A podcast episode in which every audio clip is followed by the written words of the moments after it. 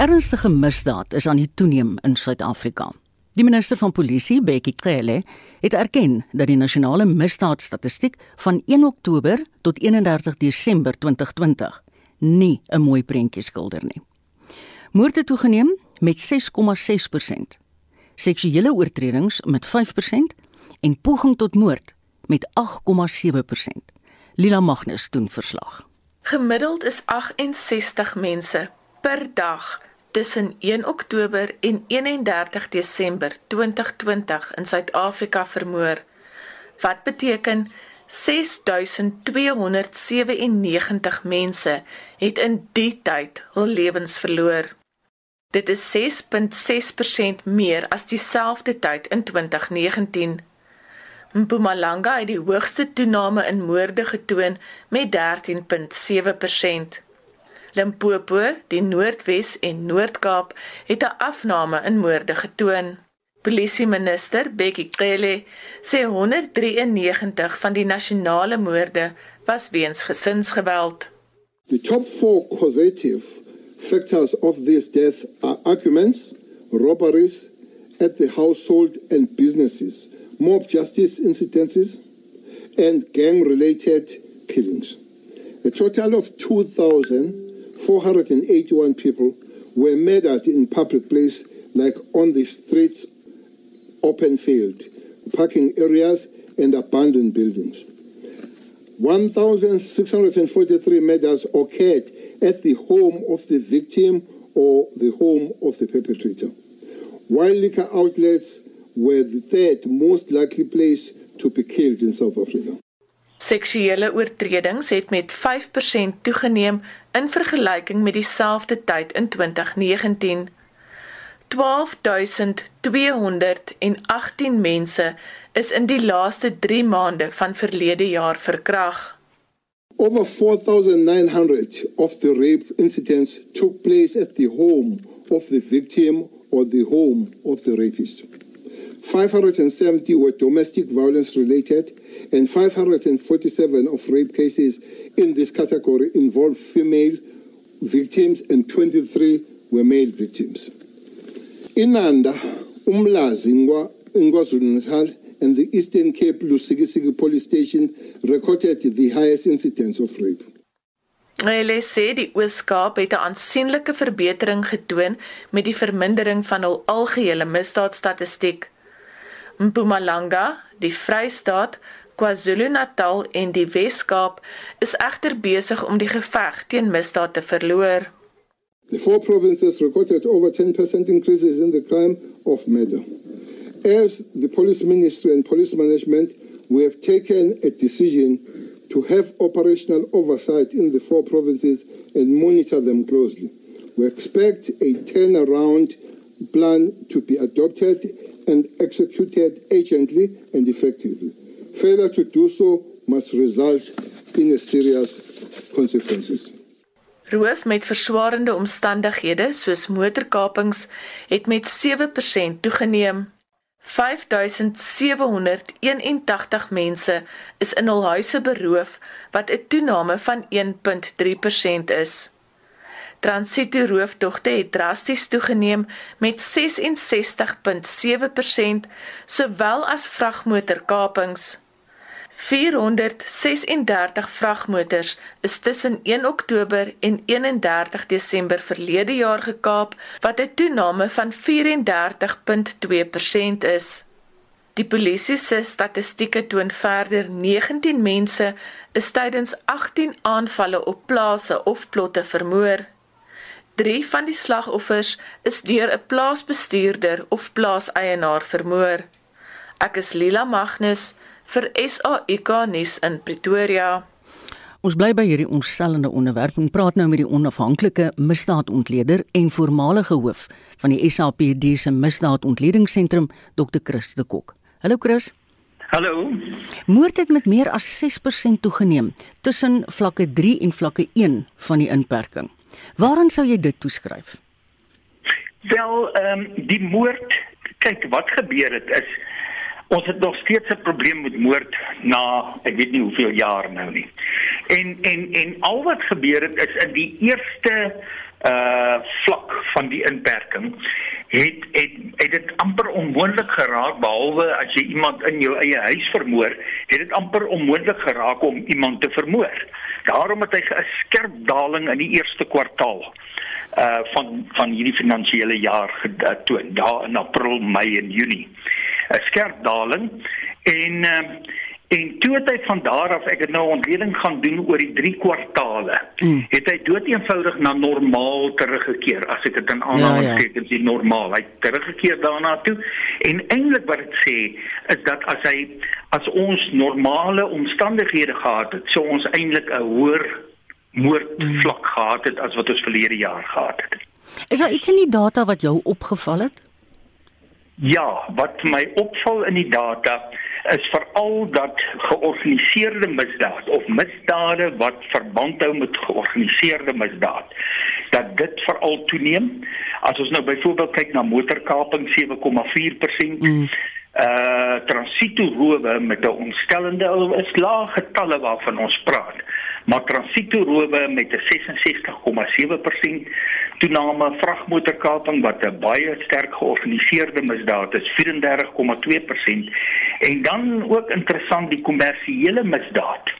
Mense werk nou van die huis af. Mense doen al hulle besigheid van die huis af.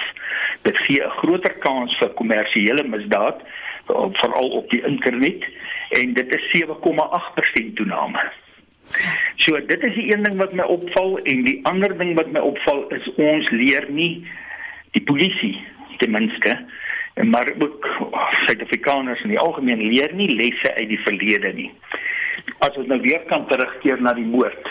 As jy nou kyk die moord kom maar nog steeds in dieselfde stasies voor waar hy vir die afgelope 10, 15 jaar en veral sedert 2012 waar die moord erg toegeneem het in dieselfde stasies op die Kaapse vlakte. Mm. En uh, ja, een van daai stasies wat eintlik twee stasies insluit, Kailicha Narare wat onder die eerste 10 posisies lê vir moord. Uh was daar 'n totale verslag, 'n verslag van 400 bladsye wat sterk gefokus het op veral die geweldsmisdade. En die lesse wat daar geleer is of ontdood is, uh is net nie opgevolg nie. Ja. En dit is hoekom die moord nog steeds toeneem. Byvoorbeeld, as ek 'n voorbeeld kan noem, dis baie duidelik dat uh, straatroof 'n groot klomp slagoffers eis in 'n in 'n plek soos Kailicha Narare en ook die ander wat daar in die top 10 is. Baie mense gaan dood tydens rooftogte in die straat. En dan word dit die bevolking raak later so moeg vir die polisie en dat hulle nie reageer nie, dat hulle oorgaan 'n vigilantisme. Ek ek ek, ek het nou nie ek kry nie 'n lekker Afrikaanse woord nee, daarvoor. Ja. Maar maar maar dit is 'n volgende die groep daardie twee oorsake van moord. Uh veroorsaking van moord is die twee sterkste in daardie stasies. En dit is nog nooit aangespreek nie. Roof kan aangespreek word straatroof en die reaksie daarop sal dan in elk geval ophou om te gebeur. Chris, kan ek jou net vra? Jy weet as daar nou luisteraars wat nou luister, selfs ek kry 'n benouenis in my hart want ek meen wat kan ons aan motorkaping doen? Nou ry jy alleen in jou kar en ek meen dan gebeur dit nou net eenvoudig. Wat se ja. raad kan jy vir ons gee? Vir ons almal wat potensiële slagoffers is van misdaad. OK. Ehm um, dit dit verskil natuurlik van misdaad tot misdaad. Maar kom ons vat nou maar iets soos 'n uh, mo uh, motorkaping wat met jou gebeur gewoonlik daar ver van jou huis af of voor jou huis of so. Daar moet 'n mens maar doeteenvoudig absoluut oplettend wees. Jy moet kyk of 'n vo voertuig jou nie agtervolg nie. Jy moet nie in situasies beland waar jy by 'n uh, waar jy by 'n stopstraat kom dat jy ingehok kan word deur twee of drie voertuie nie en hulle jou dan kan roof nie. As jy by jou huis aankom, uh soos jy jou huis benader, uh, moet jy eers kyk, is hierdie voertuig wat nou agter my ry nie al van die werk af agter my nie? En dan moet jy nie dan moet jy verkieslik maar verby jou huis ja. ry. En ry maar om die blok en kyk of die voertuig verder aanry. Uh want uh want dit is waar baie van jou motorkapings plaasvind as jy die elektriese hekke van ja. jou van jou erf oopmaak en jy inry en hulle glip agter jou in en dit is waar dit plaasvind.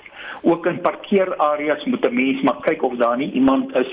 Jy moet versigtig wees om in parkeerareas te parkeer waar daar amper geen menslike beweging is nie. Goed. Uh dit is die tipe goed. In jou eie huis moet jy maar 'n hele klomp ehm uh, Voorsorgmaatreëls tref. Ja. Maak dit vir die dief so moeilik as moontlik om in te kom. Baie reg. dankie Chris. Dit was Dr. Chris de Kok, misdaadontleder en voormalige hoof van die SAPD se misdaadontledingssentrum. Een van die hoofstories van die dag, Vrystaat Landbou, het die aankondiging van die voormalige minister van Landbou, Tina Joemat Pettersen, dat MK veterane onteieende plase gaan ontvang, ten sterkste veroordeel. Kom ons luister net eers na wat Joemat Pettersen tydens die debat oor die staatsrede gesê het. No, land is being advertised for military veterans. Land will give to MK. If you are afraid of expropriation without compensation, do not mask it as corruption. Yes, land will be given to MK. South Africa must look after its military veterans. We're one of the few liberation movements who came into power and who did not take care of its military veterans. Die stem van Tina Joemat Pettersen. Sy was die voormalige minister van landbou. Nou vir sy mening oor hierdie uitspraak, praat ons met die president van Vrystaat Landbou, François Wilken. Goeiemôre François. Goeiemiddag Marita, goeiemiddag luisteraars. Wat was jou eerste gedagte toe jy hierdie uitspraak hoor? Ja, dit was 'n dit was regtig kommerwekkend geweest om te hoor wat sy daar gesê het want uh, dit is nie wat ons hoor van die departement en van die minister self af nie. Jy beskryf dit in 'n verklaring as 'n herhaling van Zimbabwe se grondbeleid. Ja, dit is dit is kras en dit is uh, kommerwekkend om dit so te stel. Maar as ons gaan kyk na wat in die veld gebeur, uh, ons is betrokke by baie opkomende boere wat werklik graag wil boer en wat reeds geruime tyd boer en suksesvol boer. Maar hulle loop met die vrees oor hulle koppe dat hulle gronde van hulle al weggeneem sal word en dan aan ander mense aan MK veterane gegee word. Wat reeds in die praktyk gebeur, ons het die bewyse daarvan gegee. Ek het gehoor jy het jou sterk uitgelaat oor die boer Ivan Kloete in die in die Weskaap. Ja, nee, ons het ons baie sterk uitgelaat want dit is presies die voorbeeld van wat beteken grondhervorming. Wat uh, dit beteken om boere wat in die vorige bedeling benadeel was, wat suksesvol boer en wat produktief boer, Mm. te ondersteun en hulle te help om meer kommersiële boere te vestig in die land want ons het dit nodig uh, vir voedselproduksie. So hoe kan 'n mens 'n uh, 'n boer wat suksesvol boer op die staat se grond en hy kry nie die eiendomsreg vir 3 3 keer nou al Mm. van sy plaas afgesit word. Boerdery is 'n langtermynbelegging wat jy bou oor tyd. So jy kan nie elke 2, 3 jaar weer 'n nuwe plaas gegee word omdat daar dit vir MK veteraan geoormerk word daai plaas nie. En dis nie te sê eh, dat die MK veteraan wat dit gaan kry noodwendig op daai grond gaan boer nie. As ons spesifiek na die Kloete geval gaan kyk, het uh, in die nuus het die persoon wat die plaas ontvang het, dan selfs gesê dat hy het nie eens geweet dat die plaas ontvang nie. So hy is baie bly daaroor, maar hy het nie geweet dat die plaas ontvang het. Ja. Wat wat vir ons egter erg kommerwekkend is, is die feit dat blykbaar is die minister nie noodwendig bewus van die goed wat gebeur want die adjunkminister van landbou het nou begin terugkrabbel en gesê dat uh, daar moet daarna gekyk word en daar moet 'n ondersoek kom.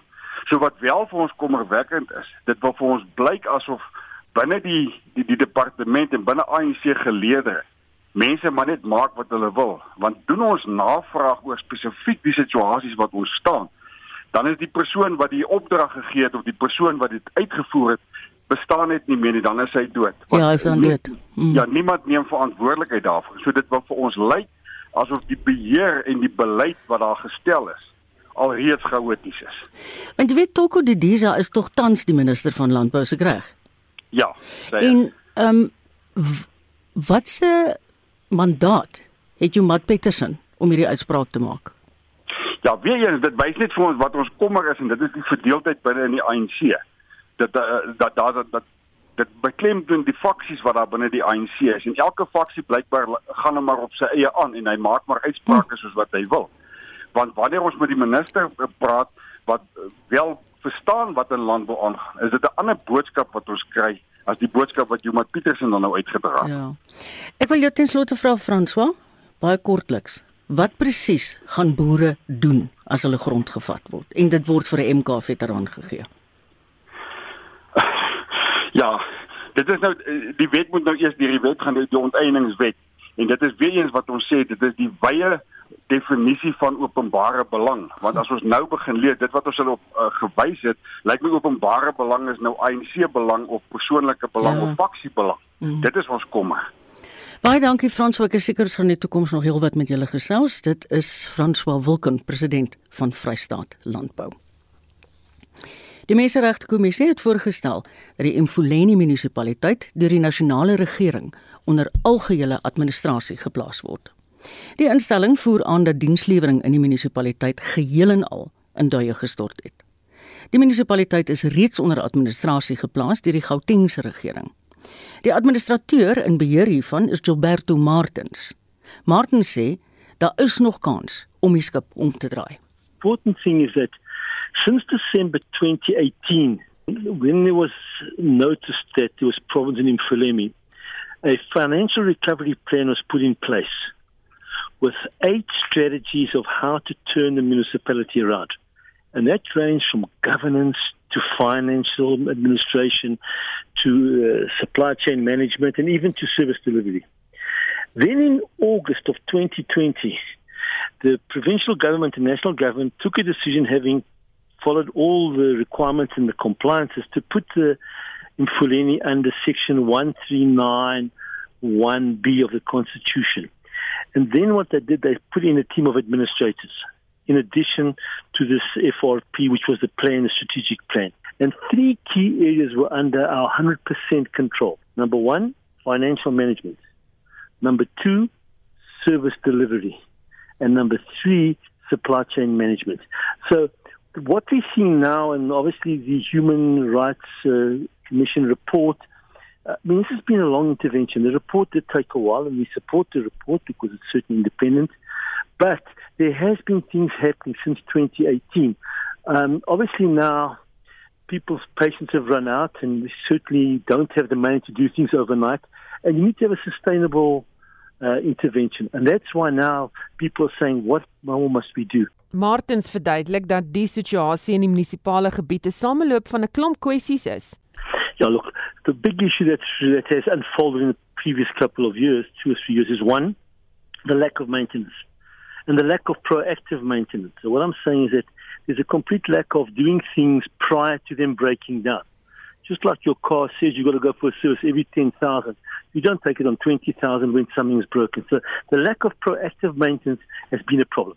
The second thing that's really eh, hamstrung the municipality is the lack of cash. And when I say lack of cash, uh, it's that people are paying. However, we have a massive arrears in debt. So I've got a massive arrears to Eskom. I've got a massive arrears into Rand Water Board. And then I've got creditors, simple creditors, who provide services we haven't been paid for some up to 18 months. So what happens is then, how do you do service delivery? And a simple example is this. Um, the service provider who sells me an electric cable hasn't been paid for 12 months. You won't supply me a new cable when the cable gets stolen or stable gets broken down. And that's where we're sitting. And that's the biggest challenge we have. Martins verduidelik ook dat beamptes in die munisipaliteit nou verantwoordbaar gehou gaan word vir hulle optrede as deel van 'n ondersteuningsplan om dienslewering weer op die been te kry. Well, very clearly, and uh, it's a mandate from the provincial government is to say you take consequence management. People are getting paid a salary; they have to deliver.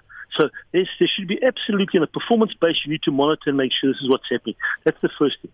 The second thing I think that's important is the the national government participation and provincial government participation. For example, provincial governments put in 173 million rand to resurface roads.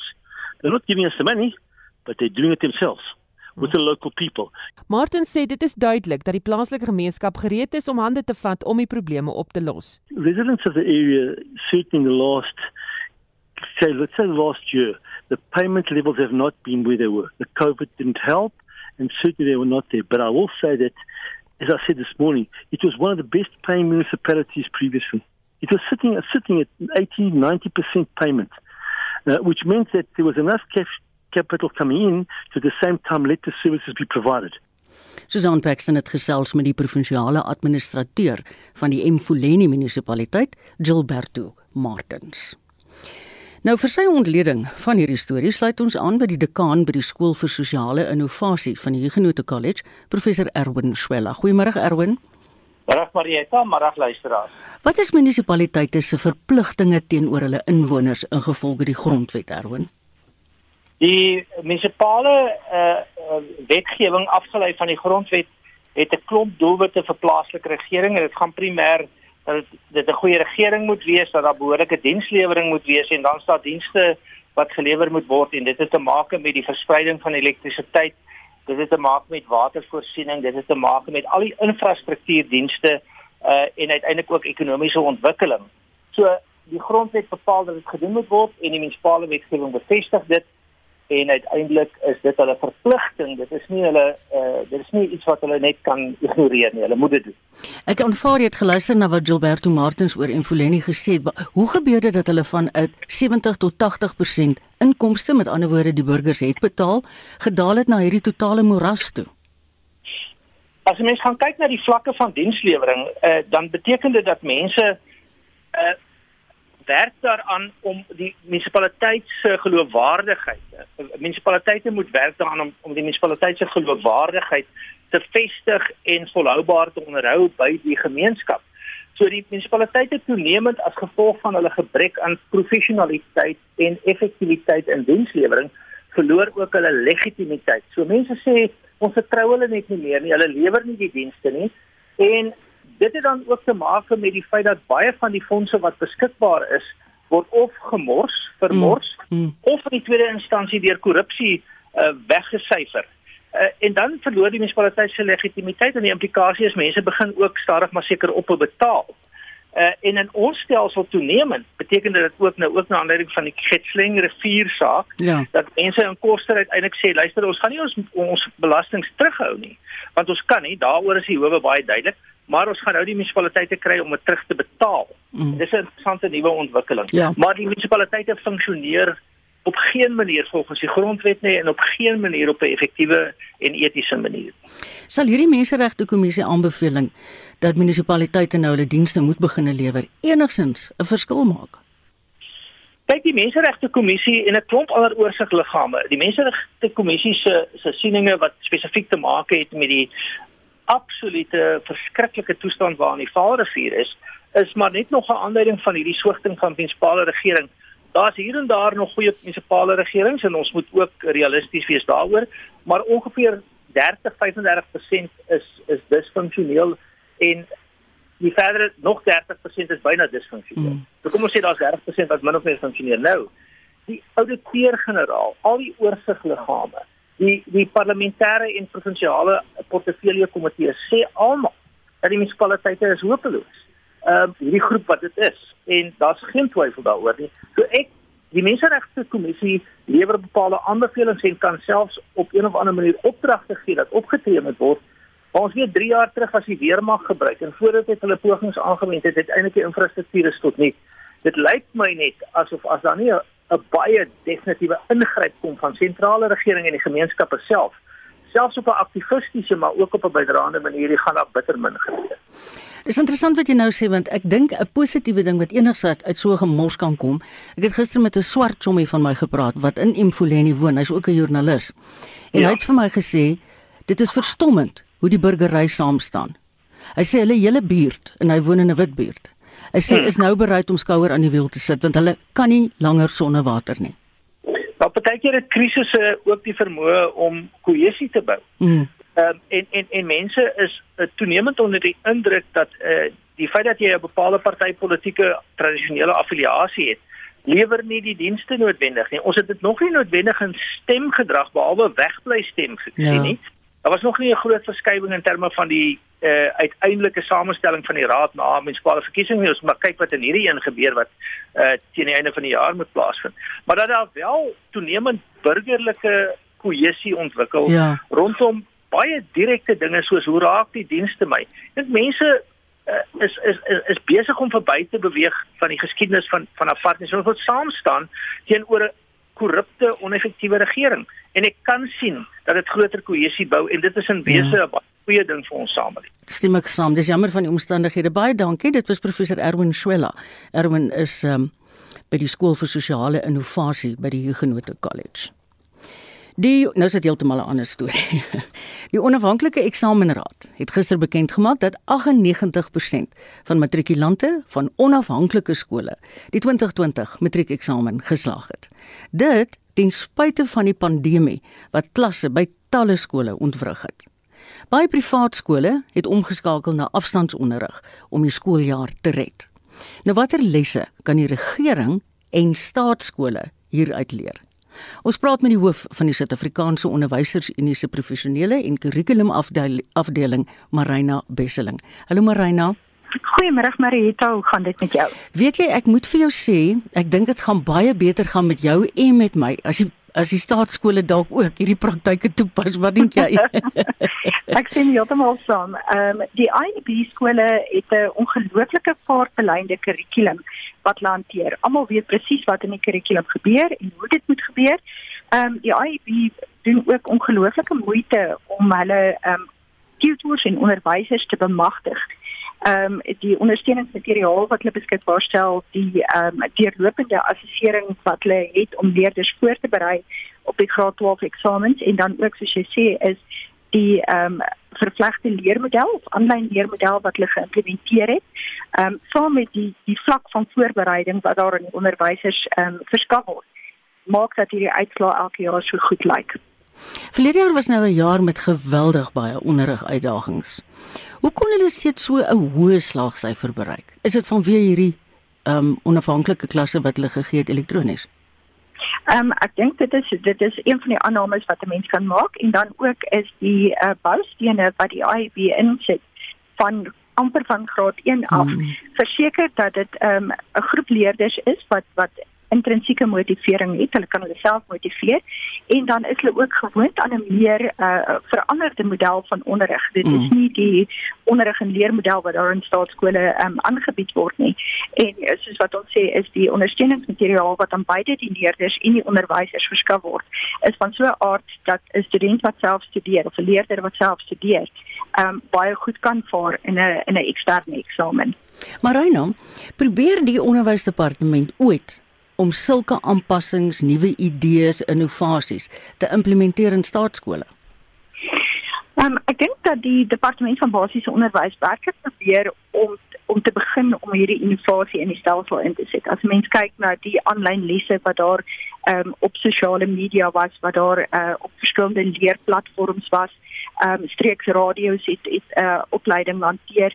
Ehm um, kan 'n mens sien dat daar werklik 'n poging is om om uh, hierdie ondersteuning te bied, maar ek dink die aard van van die leerders se vermoë om te hmm. leer, ehm um, en dan ook die aard van die ondersteuning wat daar aan, aan onderwysers gegee is, is 'n bietjie laat en dit is nie ehm um, van dieselfde kwaliteit as wat die onafhanklike eksamenrade hanteer nie. Ehm um, as ek so vinnig 'n voorbeeld kan noem is die ontwikkeling van ehm um, die gebruik van tegnologie in die klaskamer hmm. kom al vir 'n baie lang tyd as 'n um, uitgawe item wat in die begroting van die departement gestel is. Maar hierdie jaar wat wat die um, tegnologiese onderbou werklik nodig was, was dit nog nie in plek gewees nie. En dit is waarom die um, AIB onder andere baie beter vaar is omdat hulle reeds hierdie strukture mm. al oor 'n baie lang tyd in plek het. Die AIB maak um, op hierdie stadium van 'n uh, aanlyn nasien onder andere gebruik. Wow. En en die departement van basiese onderwys kon no, nog nie so 'n struktuur in plek stel nie. Ek wil 'n interessante storie vandag vir jou vertel wat nou nie heeltemal op ons van toepassing is nie. Ek het 'n vriendin wat 'n dosent is, 'n senior dosent by die Maikeng kampus van die Noordwes Universiteit en sy's in maatskaplike afdeling en sielkunde. En sy sê van haar studente verlede jaar in sulke afgeleë eh, gemeenskappe gebly dat sy letterlik per WhatsApp vir hulle die klasse gegee het en dan het hulle dit skriftelik geskryf, hulle take of hulle stukke dit afgeneem en vir haar terug gestuur per telefone want hulle is nie naby 'n rekenaar nie. Is dit nie ongelooflik waar hulle wil is is daar 'n weg? Uh, Marita, ek dink dit is 'n ongelooflike suksesverhaal en ek dink dat ehm um, wat ons mekaar sê is daar is moontlikhede ehm um, ook in die staatskole om na 'n veranderde model toe te beweeg, maar dit is 'n verandering van ongesteldheid wat ons nou nodig het. Ja. Mense wat buite die boks kan dink en amper nie eens meer kan dink dat daar 'n boks is nie. om seker te maak dat ehm um, dat ons leerders werklik kwaliteit onderrig en leer ontvang. Ehm um, ons het onder andere gekyk na vervlegte leermodelle um, vir SAWI lede ook en een van die maklikste modelle om te implementeer, uh dis modelle wat um, wat in verskeie Europese lande gebruik word is uh die die uh, slimfoonmodel, die Ja. ja. WhatsApp model of Moodle uh, wat alles oor oor fone gefasiliteer kan word en wat 'n redelike bekostigbare model is. So ek dink ehm um, dit is dit is regtig tyd vir vir die departement van basiese onderwys om heeltemal nuut en anders te gaan dink Ja. ja. oor wat is koste-effektiewe maniere wat 'n mens onderrig na die leerders toe kan bring. Daar is baie leerders, uh, veral graad 8 en 9 leerders wat maar vir 'n maand of twee verlede jaar onderrig ontvang het. En daar daardie leerders is jou graad 12 leerders oor 3 jaar Mm. En ehm um, die agterstand uh, moet 'n mens gaan verreken en kyk is hoe gaan jy hierdie leerders ondersteun ehm um, met met sigonderrig maar ook met virtuele materiaal Ja. ehm um, sodat hulle kan kan vorder. Ja, Marina, jy's beslis in die regte pos. Baie dankie. Marina Besseling is die hoof van die Suid-Afrikaanse Onderwysunie se professionele en kurrikulum afdeling. Dis 25 voor 1. In ons weeklikse motorrubriek toets Wessel Pretoria se BMW en 'n Isuzu bakkie. Die goedkoopste BMW op die mark is 'n Volkswagen Golf grootte lykrig, die 118i teen R553 000. Ek het die tweede goedkoopste BMW gery, die 218i Grand Coupe teen R587 000. Nou die Grand Coupe is geen tweedeur coupe in die tradisionele sin van die woord nie. Wel 'n coupe vorm, maar hy het vier deure en 'n konvensionele kattebak. Interessant nie een van die vier deure het vensterrame nie. Die sedan, gebaseer op die eenreeks luikerig, neem in effek die vakuum in wat die drie reeks sedan gelaat het. Want vandag se drie reeks net oor die 4,7 meter is so groot soos vroeër jare se 5 reeks. En die Grand Coupe is 'n sedan van net oor die 4,5 meter, so lank soos 10 jaar gelede se drie reeks. Die ander Duitsers het dit ook gedoen. Jy kry die Mercedes A-klas sedan en die Audi A3 sedan. Kleiner en goedkoper as die C-klas en A4. En my 218i Grand Coupe toetsmodel kos 'n volle 110 000 rand minder as die goedkoopste 3 reeks sedan. Die Grand Coupe kry 'n groot sierrooster voor en hoofligte wat so effens na agter terug lê. Aantreklik is die dagryligte wat 'n 3 kwart van die vier hoofligte omlyn. Die binneruim is tipies hoë kwaliteit BMW en herinner sterk aan die 3 reeks. Die kenmerkende klein wiel waarmee jy met jou linkerhand die sentrale skerm beheer, is na my mening die beste in die bedryf om tussen opsies rond te spring. Hoewel die kajuit 'n heerlike plek is om in te wees, is sekere kenmerke wat mens dink standaard toerusting sou wees teen die prys. Goed soos leersitplekke, drie sensors en sleutellose toegang, egter redelike duur opsies. Ruimte voorlangs is billik, agter hierdie coupe se skuinsdaklyn wel 'n impak op langer mense se hoofruimte.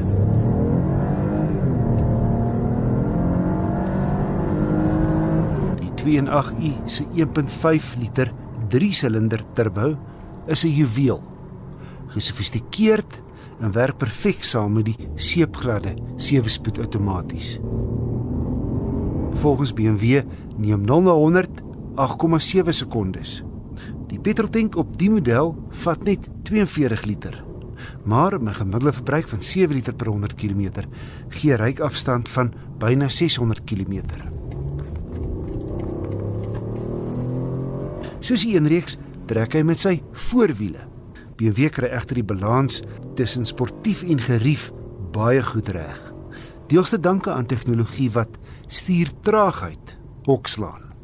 My gevolgtrekking, BMW se 218i Grand Coupe, is 'n stylvolle sedan wat rondom beïndruk met sy kwaliteit, padgedrag en indrukwekkende 3-silinder turbo en radkas kombinasie.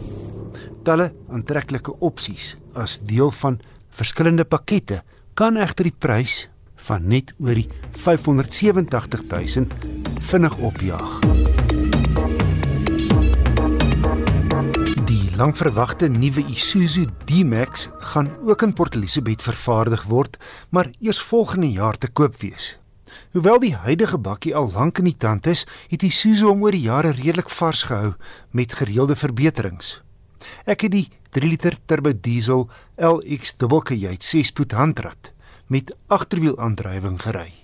Opvallende dagryligte in die vorm van 'n hoofletter L, sytrappe, dakreëlings, 'n vlekvrye rolstaaf agter, 'n baksuil en netjies 'n 18 duim alloy wiele met fris stekkies gee hom steeds na al die jare 'n nogal aantreklike fors voorkoms.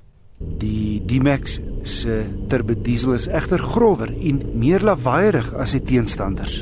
Maar bygesê, hy's darm heelwat stiller op die oop pad as teen luier en laaspoed.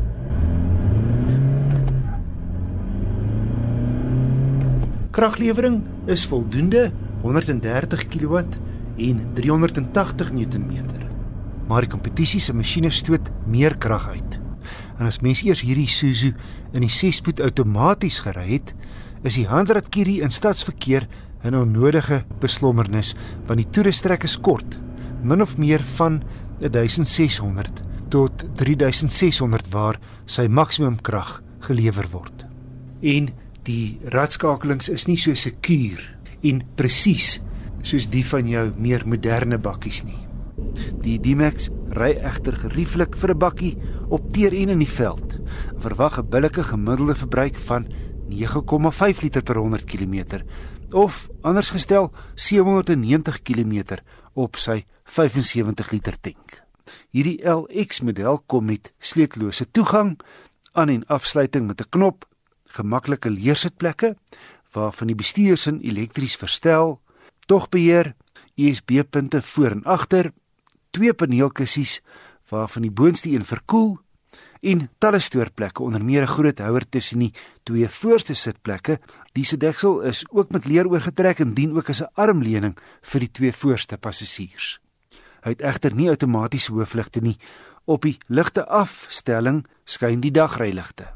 Wel 'n trikamera saam met drie sensors wat gemoedsrus verskaf wanneer jy agtertoe ry met die 5,3 meter lange bakkie.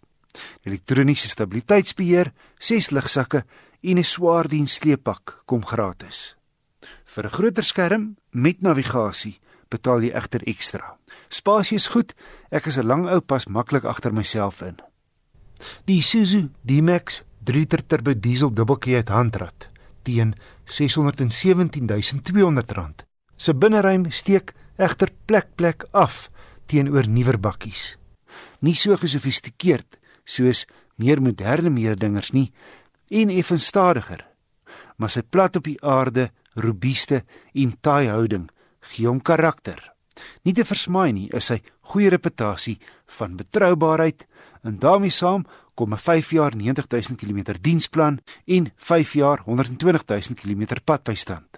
Diensintervalle is 12 maande 15000 km. Daar's goeie redes hoekom die plaaslik vervaardigde Isuzu D-Max maand na maand ver meer as 1000 bakkies plaaslik verkoop.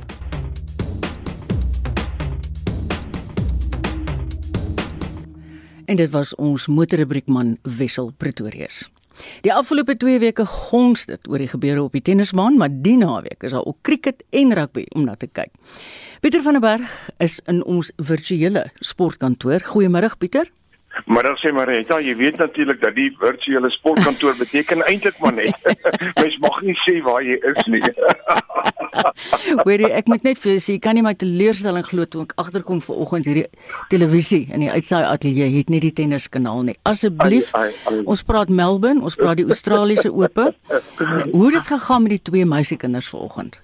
Ja, wie dis was natuurlik nou die eh, die eindstryde vandag en môre vir die vroue enkelspel en die man se enkelspel. Nou ehm um, die eindstryd van die vroue enkelspel is so 40 minute gelede geëindig, so minuut oor 12 en uh, die twee vroue wat daar gespeel het Naomi Osaka van Japan, sy is 30 keer teen die 22ste gekeerde uh, Jennifer Brady van in die FSA. Nou dit is uh, Osaka wat daar die eerste stel met 6-4 gewen het nadat beide van hulle uh, twee keer hulle afstaande afgestaan het, maar in die tweede stel was sy ganste sterk Naomi Osaka, sy is die kampioen dan vir 2021. 6-4 en 6-3, dit was die eindtelling daar. Dan in die mansafdeling is daar nou net twee van die 128 spelers oor. Die eerste halfeind natuurlik Novak Djokovic wat eerste gekeer is. Hy het daar met 'n uh, Aslan Kartsav uh, Karatsiv afgereken. Dit was in drie stelle, 6-3, 6-4 en 6-2 en dan die 34-jarige uh, Djokovic, hy jaag nou sy 9de Aussie titel en uh, natuurlik ook sy 18de Grand Slam titel. Nou die vierde keer daar is Daniel Medvedev. Hy het in die ander halfeind gister teen die nommer 5 van Griekeland Stefanos Tsitsipas gespeel en dis 'n Medvedev daar C4 in drie stelle 6-4, 6-2 en 7-5 en Marita môreoggend dan Suid-Afrikaanse tyd is dit die eindstryd vir die mans. En dis omtrent hoe laat begin hulle so 10 uur? Dis so 10:30 se kant ja. Goed. Ek het gehoor Medvedev sê Djokovic met in sy spoortrap. nou op die cricketveld het die plaaslike T20 cricketreeks gister in Durban begin hè. Daar's twee wedstryde gespeel as ek dit nie mis het nie Pieter. Ja, jy is 100% reg maar het daar die Dolphins het hulle wedstryd met 14 lopies gewen teen die Cape Cobras. Die Dolphins het 155 vir 8 aangeteken. Kaya Zondo het 59 lopies gemaak van net 39 balle. En dan die Cape Cobras, hulle was beperk tot 141 vir 7 met Keshav Maharaj wat daar vier paaltjies uh, laat kant hulle vir net 15 lopies. Dan die Titans, hulle het 'n 6 paaltjie oorwinning behaal oor die Knights. Die uh, Titans het 120 vir 4 aangeteken. Dit was 'n antwoord op die Knights se 116 later by Shamsi. Hy daar 330 pad getrek. En dan vandag se bepalinge, dit is die Warriors wat eerste kolf teen eh, die Lions. Die Warriors het uh, 157 lopies opgestapel en so pas sien ons dat uh, Temba Bavuma, hy stap terug vir 45 nee, lopies van 35 balle. So die Lions, hulle het uh, so 81 gehad na 10 balbeurte, maar nou so pas dan Temba Bavuma wat uit is, maar die Lions wat uh, goed uh, ek ek wou amper sê goed vaar in hulle jagtog om daardie 158 te kry. Dan later vanmiddag om 0:30 is dit die Knights teen die Dolphins en dan môre twee wedstryde Marita. Uh, die Cobras speel teen die Titans. Dis om 10:00 en half 2, nee, half 3 môre middag die Warriors teen die Dolphins. En monitor het jy gister genoem dat Sam Burns met twee houe voor was na die eerste ronde van die Genesis uitnodigingsgolftoernooi. Hoe staan sake nou na die tweede ronde? Jong, hy die uh, die dinge sommer vuur warm gemaak gister Sam Burns. Hy's nou 5 houe voor. Hy's 1200 syfer na briljante 66. Hy is uh, 500 gewees gister dan.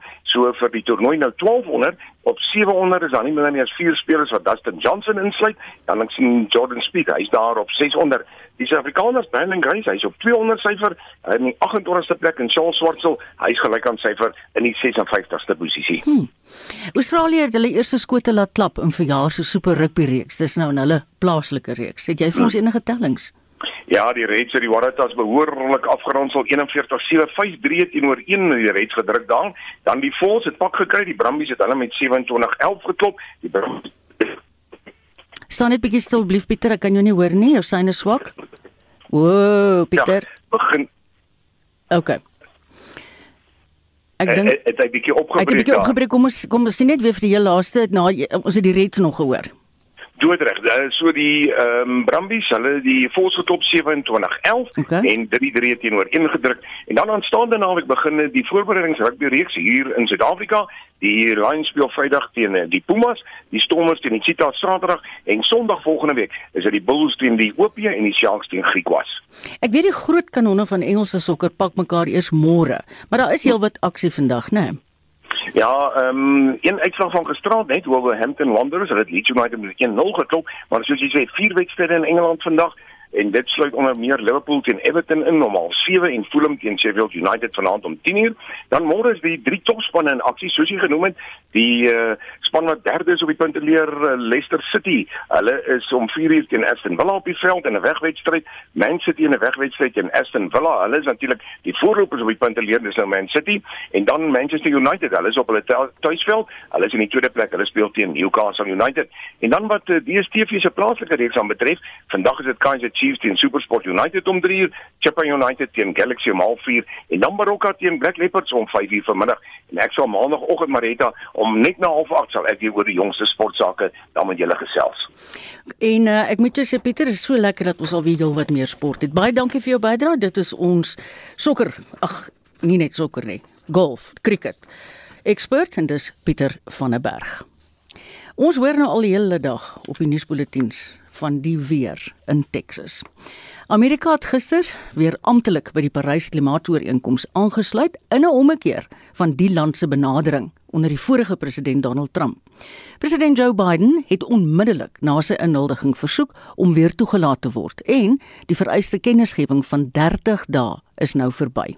Bykans 200 lande is deel van die ooreenkoms wat poog om klimaatsverandering te beveg.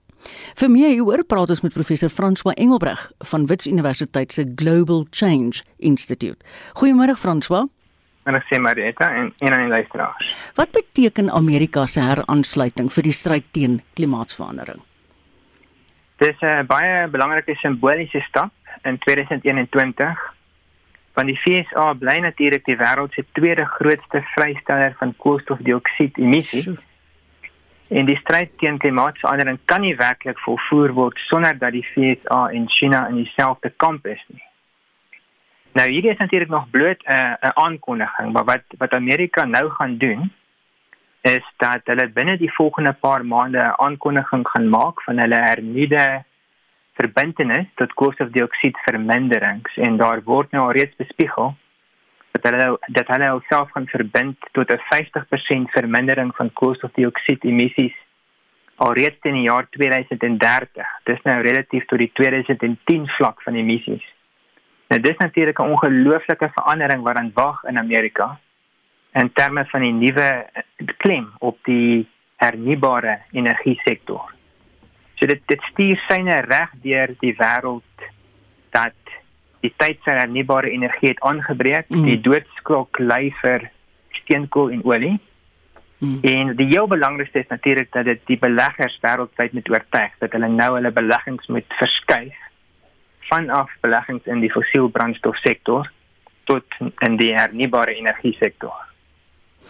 Frans, maar daar was sprake dat lande soos Brasilië, Saudi-Arabië en Rusland onderhandelinge ontwrig het in Amerika se afwesigheid. Is dit so? Ja, dit is so dat dat die regerings van sekere lande altyd 'n mate van weerstand bied in die onderhandelingsproses. En dit sluit die lande in wat jy pas genoem het. Ehm um, ook die Australiese regering is nog steeds de, definitief van tyd tot tyd ehm um, steeds baie verbind tot 'n fossiel brandstof bedryf in Australië. Mm. Tog het al hierdie lande ook wat jy nou net genoem het ook die Parys-ooreenkoms oor klimaatsverandering onderteken. So die die die die, die belangriker faktor hier is dat die lande wat die grootste gedeelte van die wêreldekonomie opmaak. En dit is nou die Europese Unie, die Verenigde Koninkryk, Suid-Korea, Japan, China en nou ook die VSA. Het hulle almal alreeds in een of ander mate verbind tot sogenaamde net zero koolstofdioksied emissies teen die jaar 2050.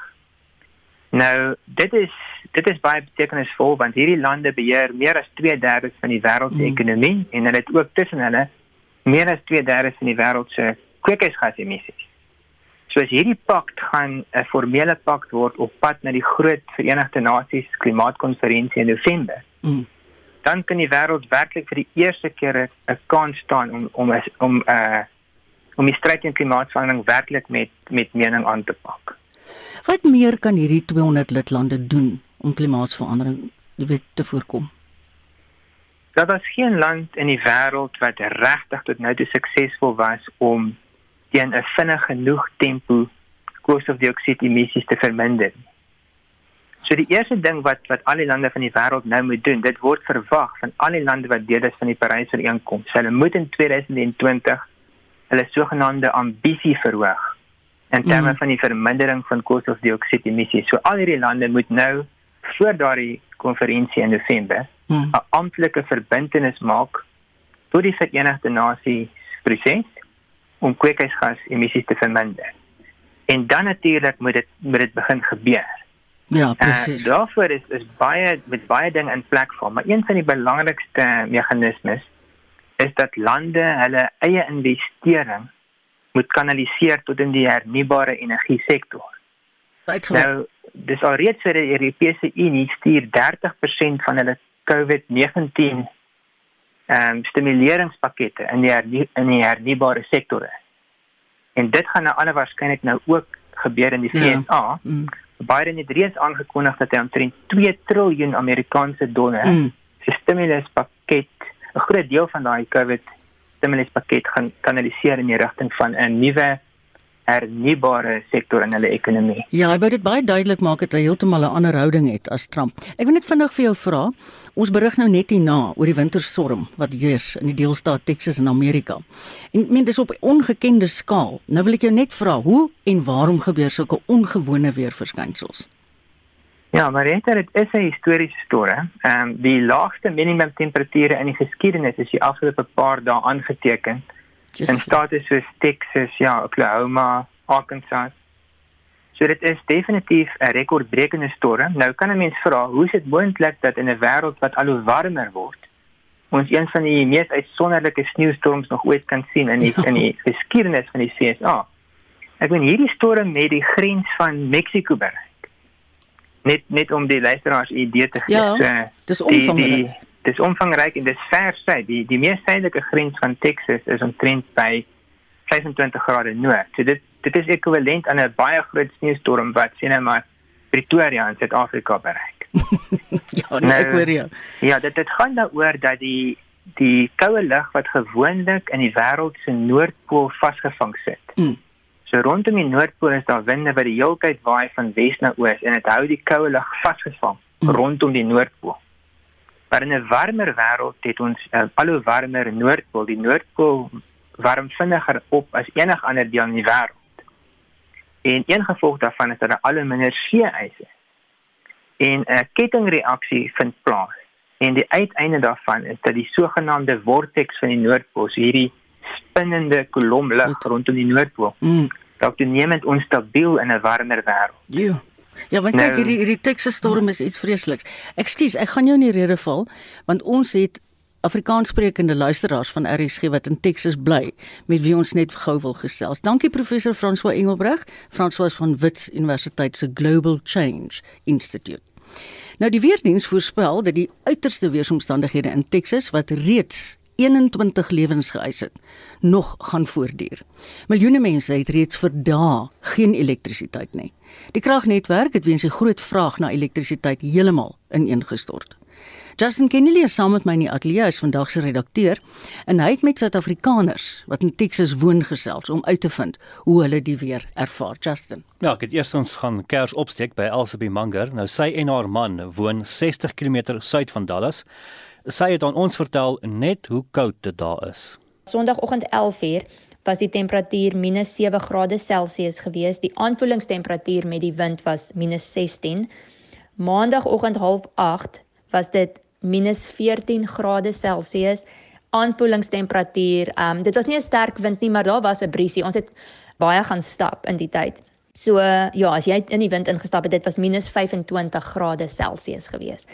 En Vrydag is half 20 oor 6 was dit minus 9 grade Celsius gewees. So van hier af begin dit beter raak. Nou die situasie in Texas is so erg dat baie mense genoop is om self sal houtmeubels te brand vir hitte en om kos warm te kan maak. Nou Elsie sê hulle was gelukkig om nie die soort situasie te beleef nie.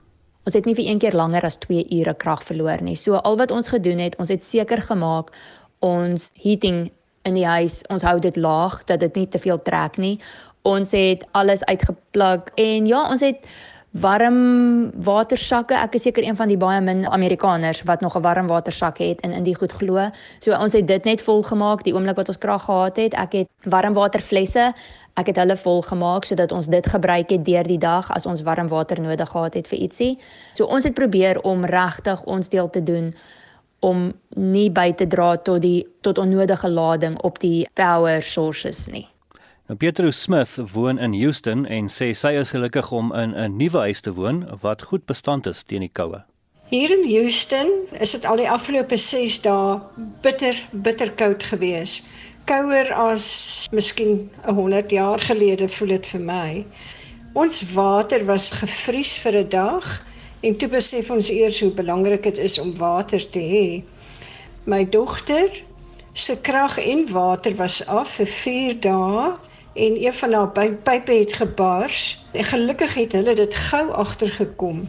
Maar die buurman oor kan die straat het dit nie geweet nie en toe hulle by hulle huis kom toe is hulle huis se duim onder water. Is iets vreesliks.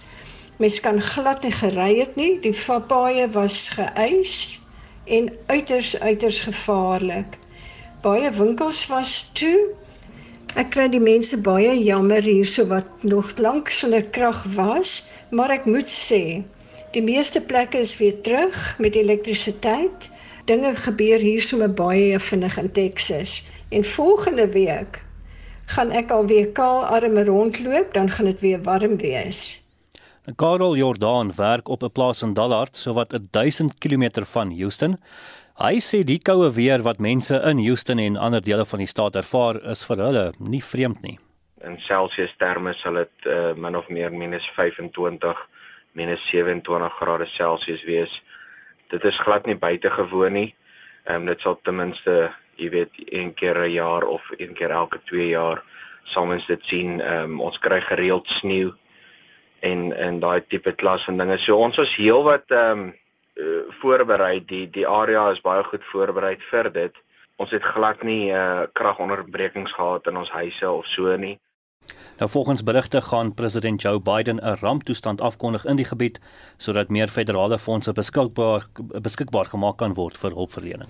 Dit was Justin Kennedy hy is vandag se redakteur namens hom en Daitron Godfrey sê ek wat Marietta is. Dankie dat jy saamgekuier het. Charlene gaan die eenheid nuus vir ons lees. 'n Lekker naweek.